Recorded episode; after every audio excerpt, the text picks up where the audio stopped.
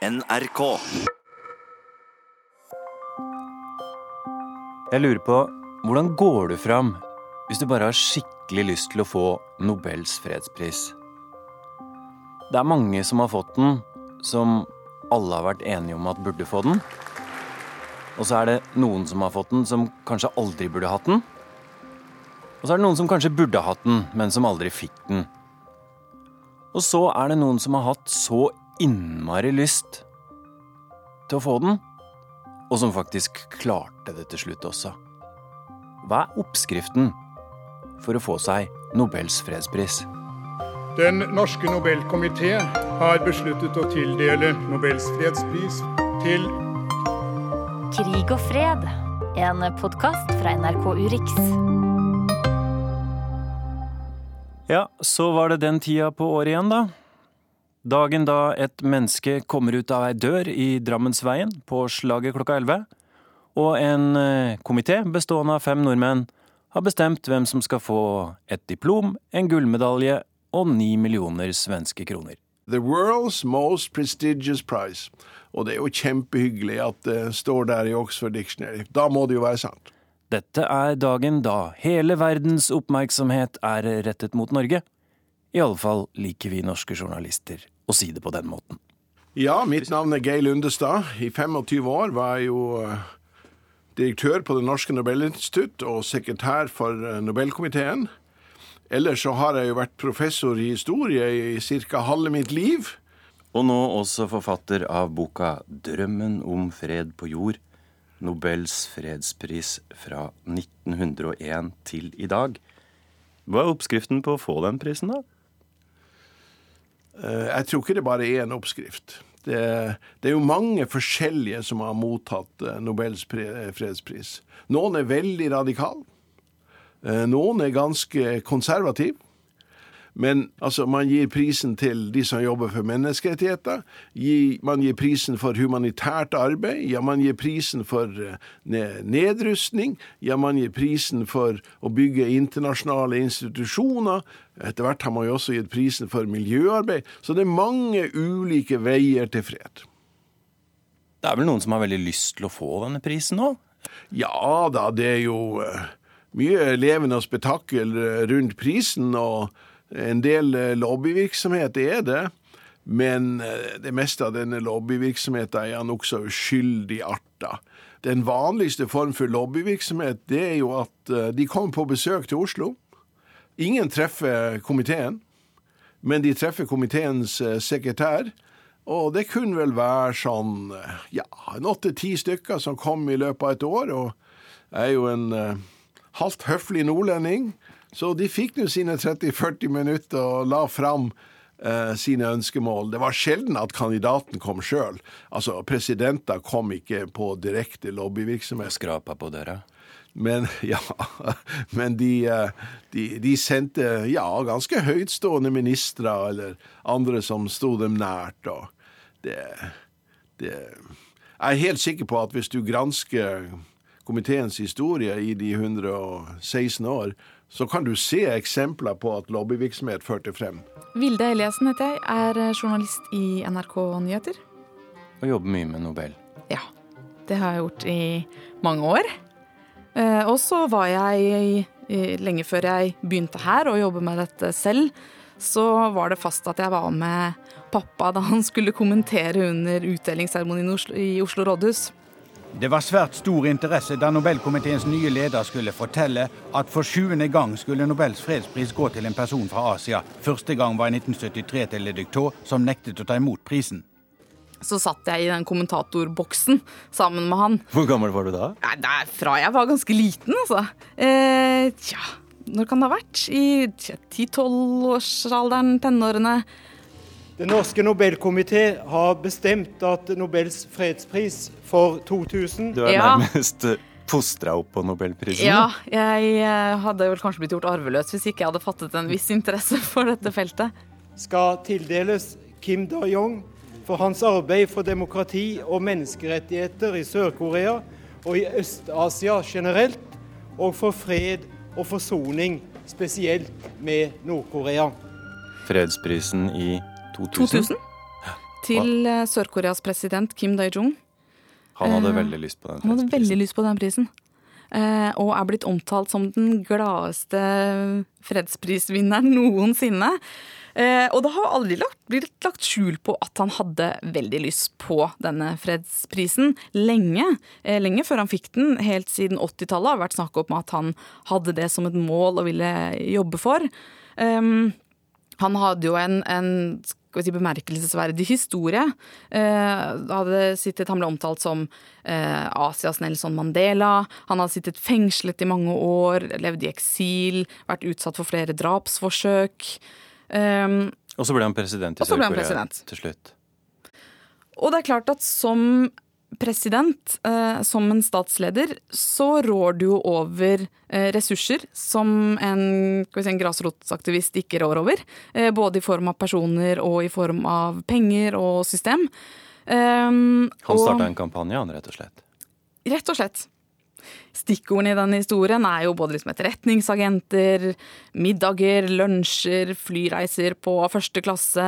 Eh, Det fantes et eget kontor i Sør-Korea som jobba for at Kim Da-jung skulle få Nobels fredspris. ja, utelukkende med det som, eh, som mål. Hva het det kontoret? Det fikk altså dekknavnet Office of External Cooperation Aid. Eh, som jo ikke tilsynelatende skulle ha noe med Nobelprosjektet å gjøre i det hele tatt. Eh, dette kontoret ble lagt under etterretningstjenesten NIS i, eh, i Sør-Korea. Og lederen for dette arbeidet flyttet etter hvert inn i det som kalles Det blå huset, som er presidentpalasset i Seoul. eh, Og ledet arbeidet derfra, eh, og var presidentens personlige assistent. Så jobbet tett på presidenten og ledet arbeidet derfra. Kan du si meg hvem som har fått fredsprisen nå i høst? Det må vel alle vite. I de siste dagene har jo avisene vært proppfulle av stoff om det. Fredsprisen ble tildelt tyskeren Osietskij. Denne fredsprisutdelingen i år har altså laget større bølger rundt i verden enn noen gang tidligere. Eh, hvilke fredspristildelinger har vært de viktigste, som du ser det? Kanskje den beste tildelinga noen gang var også den mest kontroversielle som noen gang har vært. Eh, Carl von Ossietzky han fikk prisen eh, for 1935. da. Han var symbolet på motstand mot Hitler. Da han fikk prisen, så var det to medlemmer som forlot komiteen, bl.a. utenriksminister Koht. Han satt jo der, så han forlot. Kongen var ikke stede på prisutdelinga. Det var en rasende debatt i Norge og i utlandet. Fordi det også var en pris mot Hitler, da, og mot Det var en pris nazisme og mot fascisme? Hitler. Det var, en, eh, komiteen torde jo ikke å presentere budskapet rett ut, for det var så dramatisk. Så man sa jo at nei da, dette betyr ikke noe nytt. Men det, det var egentlig noe helt nytt. At man gikk til direkte angrep på eh, krigerske personer og ideologier. Den norske Nobelkomité har besluttet å tildele Nobels fredspris for 1993 til Nelson Mandela og Fredrik Wilhelm de Klerk. Prisen til Nelson Mandela eh, i 1993 må vel kunne nevnes da. Det er et navn mange kjenner, og en tildeling som var veldig velkommen. Vakte stor begeistring, var bejublet. For så vidt også prisen til Equalesa i 1983 er det mange som trekker fram. Årets fredsprisvinner Lech Valenza. som viktig, og som noe som eh, også startet en, en prosess som, som ble avsluttet med fredsprisen til Mikhail Gorbatsjov. Skal tildeles Mikhail Sergejevitsj Gorbatsjov. Min første prisvinner, det var jo i 1990 med Gorbatsjov. Og jeg må jo også si at eh, ekteparet Gorbatsjov de tar utvilsomt prisen for det mest romantiske ektepar. Altså, de var så glad i hverandre at det var helt utrolig. Altså, vi skulle, skulle rundt omkring i Oslo og kjørte bil og sånne ting. De satt alltid i baksetet og holdt alltid hverandre i hendene, og det var, eh, det, det var rørende å se på hvor nært de var. romantikk også? Altså rundt Ja, eh, ja, ja. Litt romantikk. Ja, ja. Du hører på Krig og fred, en podkast fra NRK Urix. Men tilbake til fredsprisen i eh, året 2000, og til deg, Vilde Helgesen. Hvordan gikk egentlig dette hemmelige kontoret til Kim Da-Jung fram for å påvirke medlemmene av den norske Nobelkomiteen? Det de skjønte, var at Altså to ting. Det måtte ikke være for åpenbart. Hvis Nobelkomiteen skjønte at de ble utsatt for en eh, målbevisst kampanje, så ville det kunne ha motsatt effekt. Det ville kunne gjøre at de da låste muligheten for at Kim Da-Jung kunne få prisen. Så skjønte de også at eh, de kunne ikke kjøpe denne prisen direkte. Det var ikke sånn at de bare kunne legge penger på bordet hos Nobelkomiteen, og så var eh, seieren i For du boks. kan faktisk ikke kjøpe en nobelpris. Nei, altså det er som eh, Det er i hvert fall ikke dokumentert, og det er ikke noe som tyder på det.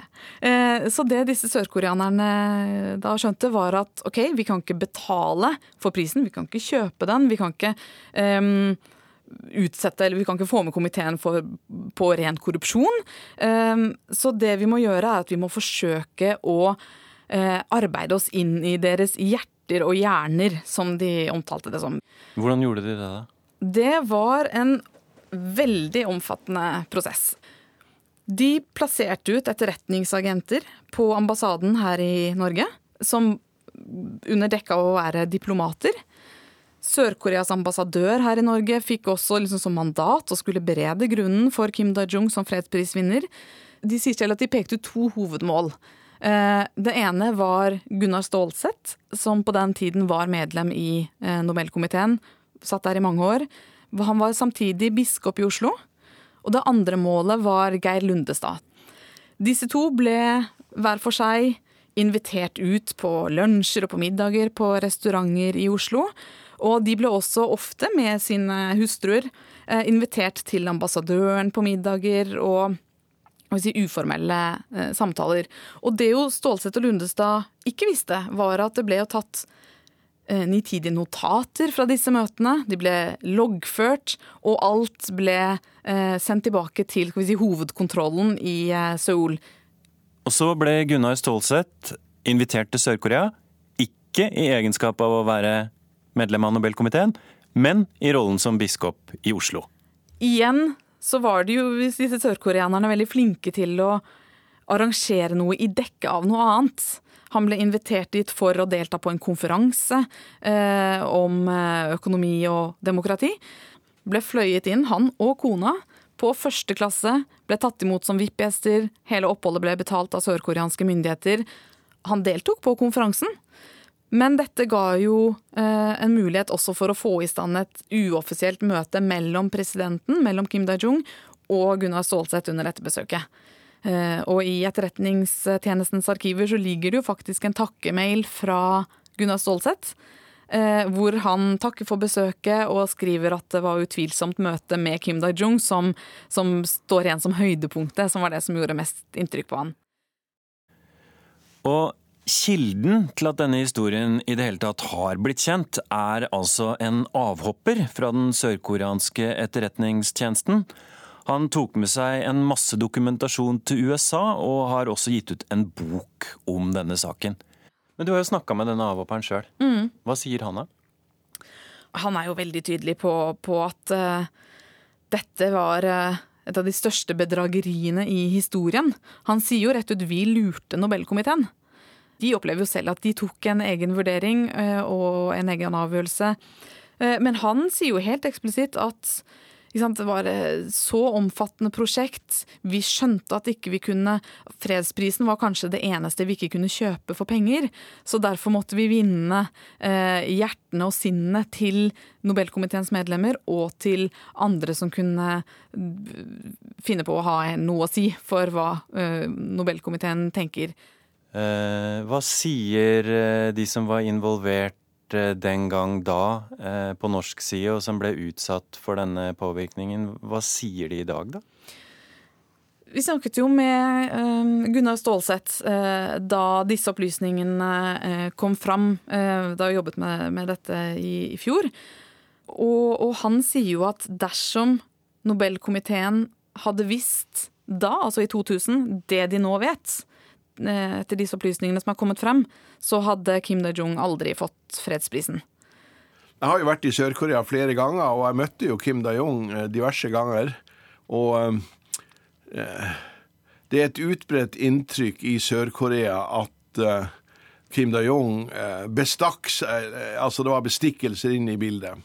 Eh, Nobelkomiteen mottok selvfølgelig aldri fem øre, men det har jo kommet frem at eh, eh, han betalte eh, indirekte, da. Det var jo de store sørkoreanske selskapene som betalte til Nord-Korea for å få til dette toppmøtet, da. Som var et slags gjennombrudd på den Som var et slags gjennombrudd for det som ble kalt for solskinnspolitikken da.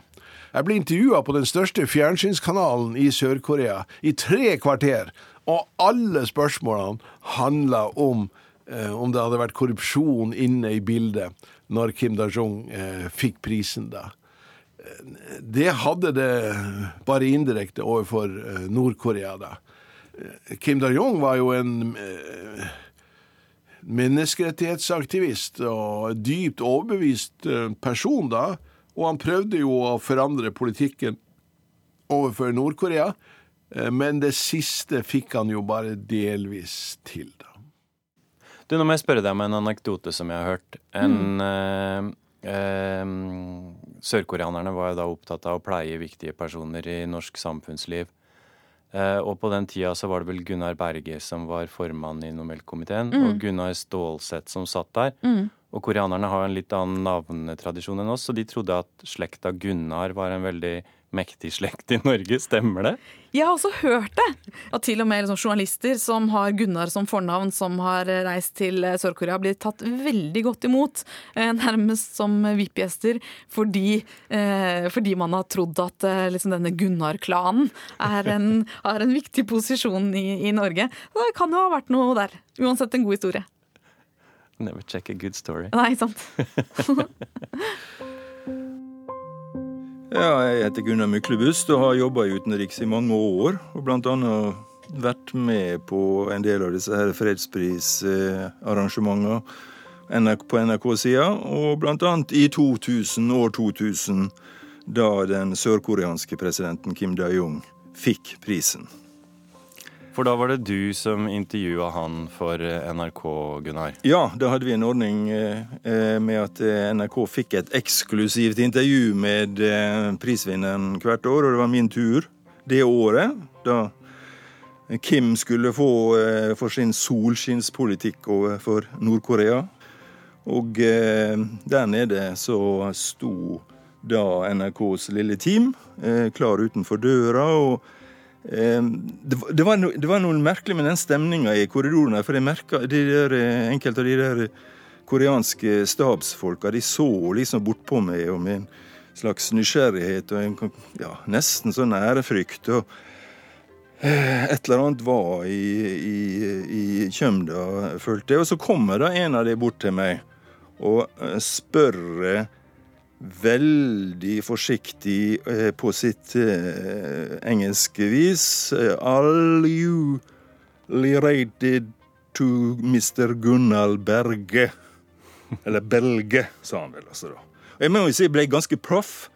Eh, jeg måtte jo med en gang da prøve å sette meg inn i tankegangen her, at det her hadde de kommet til Norge, og der var det en Gunnar Berge som var leder av komiteen, Nobelkomiteen, og det var en Gunnar Stålseth som var nestleder. Så denne her mektige Gunnar-slekta i Norge, den hadde tydeligvis posisjoner. Og så kommer altså da NRKs representant også og heter Gunnar. Så jeg måtte raskt ta meg inn igjen, og jeg må si at jeg, jeg, jeg syns ikke det var min jobb da å eh, svekke inntrykket av at nepotismen, at nepotismen sto, sto eh, sterkt i Norge. Så jeg sa liksom Oh yes, of, of course. Uh, not very close, but yes, yeah, oh yes, yes, yes.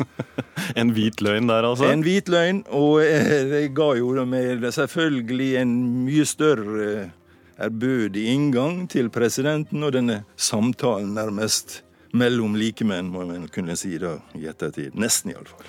Har du fått nyttiggjort deg denne maktposisjonen ved andre anledninger? Eller? Nei, du må si det en eneste gang. At jeg har, har hatt den gleden å, å, være en, en, mektig person.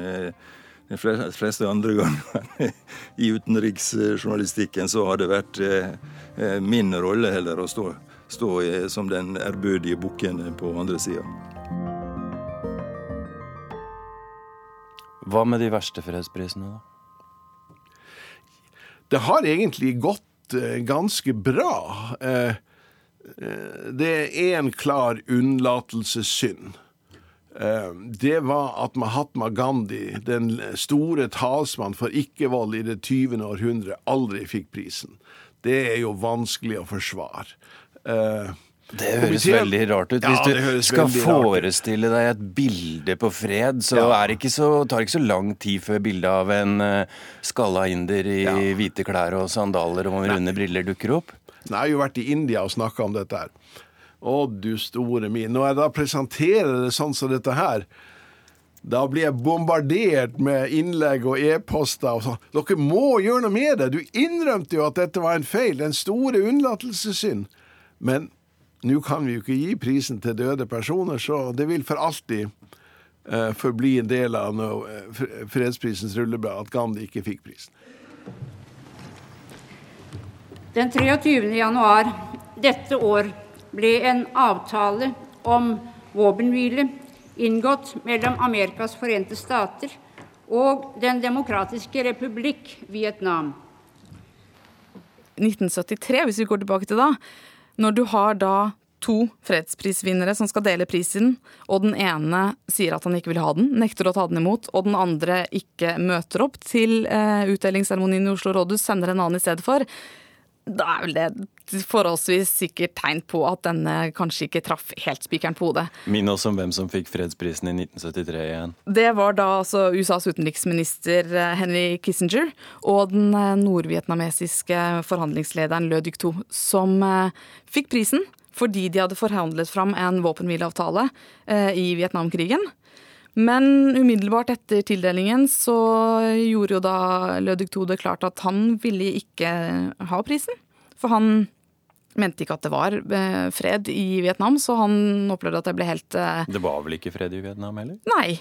Nei. Det, prisen i 73 førte, førte, ikke til fred i Vietnam. Var det da en mislykka pris? Uh,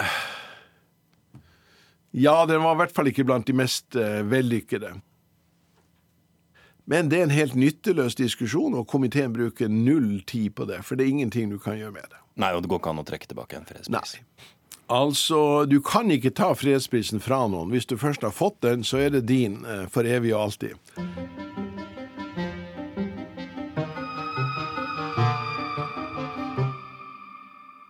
Du, det er en ting jeg lurer på. Ja? Stemmer det at både Adolf Hitler og Josef Stalin var nominert til fredsprisen? Altså, det var en svensk riksdagsrepresentant for Sosialdemokratene som sendte inn en nominasjon på Hitler. Men han trakk det tilbake dagen etter. Ja, Var det en spøk, da, eller?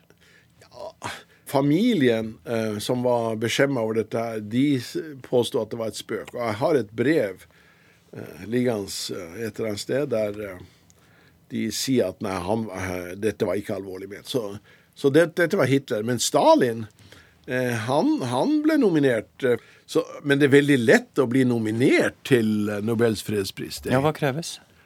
Nei, ingenting annet enn at uh, en person med forslagsrett sender inn et brev. Da kommer du automatisk på lista. Og da blir du vurdert? Ja øh, Den enkelte vurderinga går jo veldig fort, da smiles det rundt bordet, og så uh, skjer det ikke noe mer. Så går man videre. Hva er det rareste forslaget du har fått inn, da?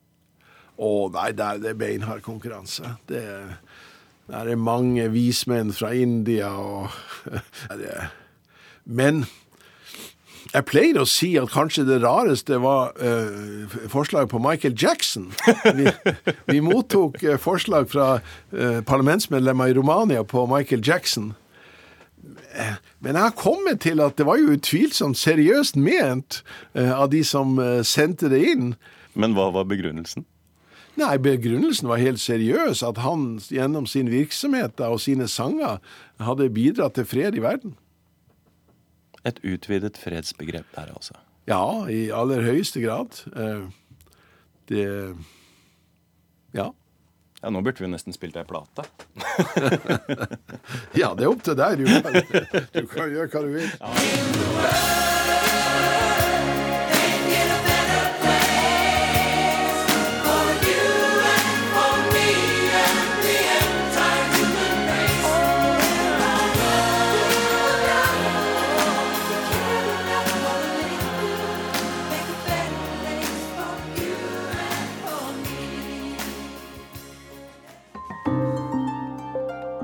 har hørt podkasten Krig og fred med Tore Moland.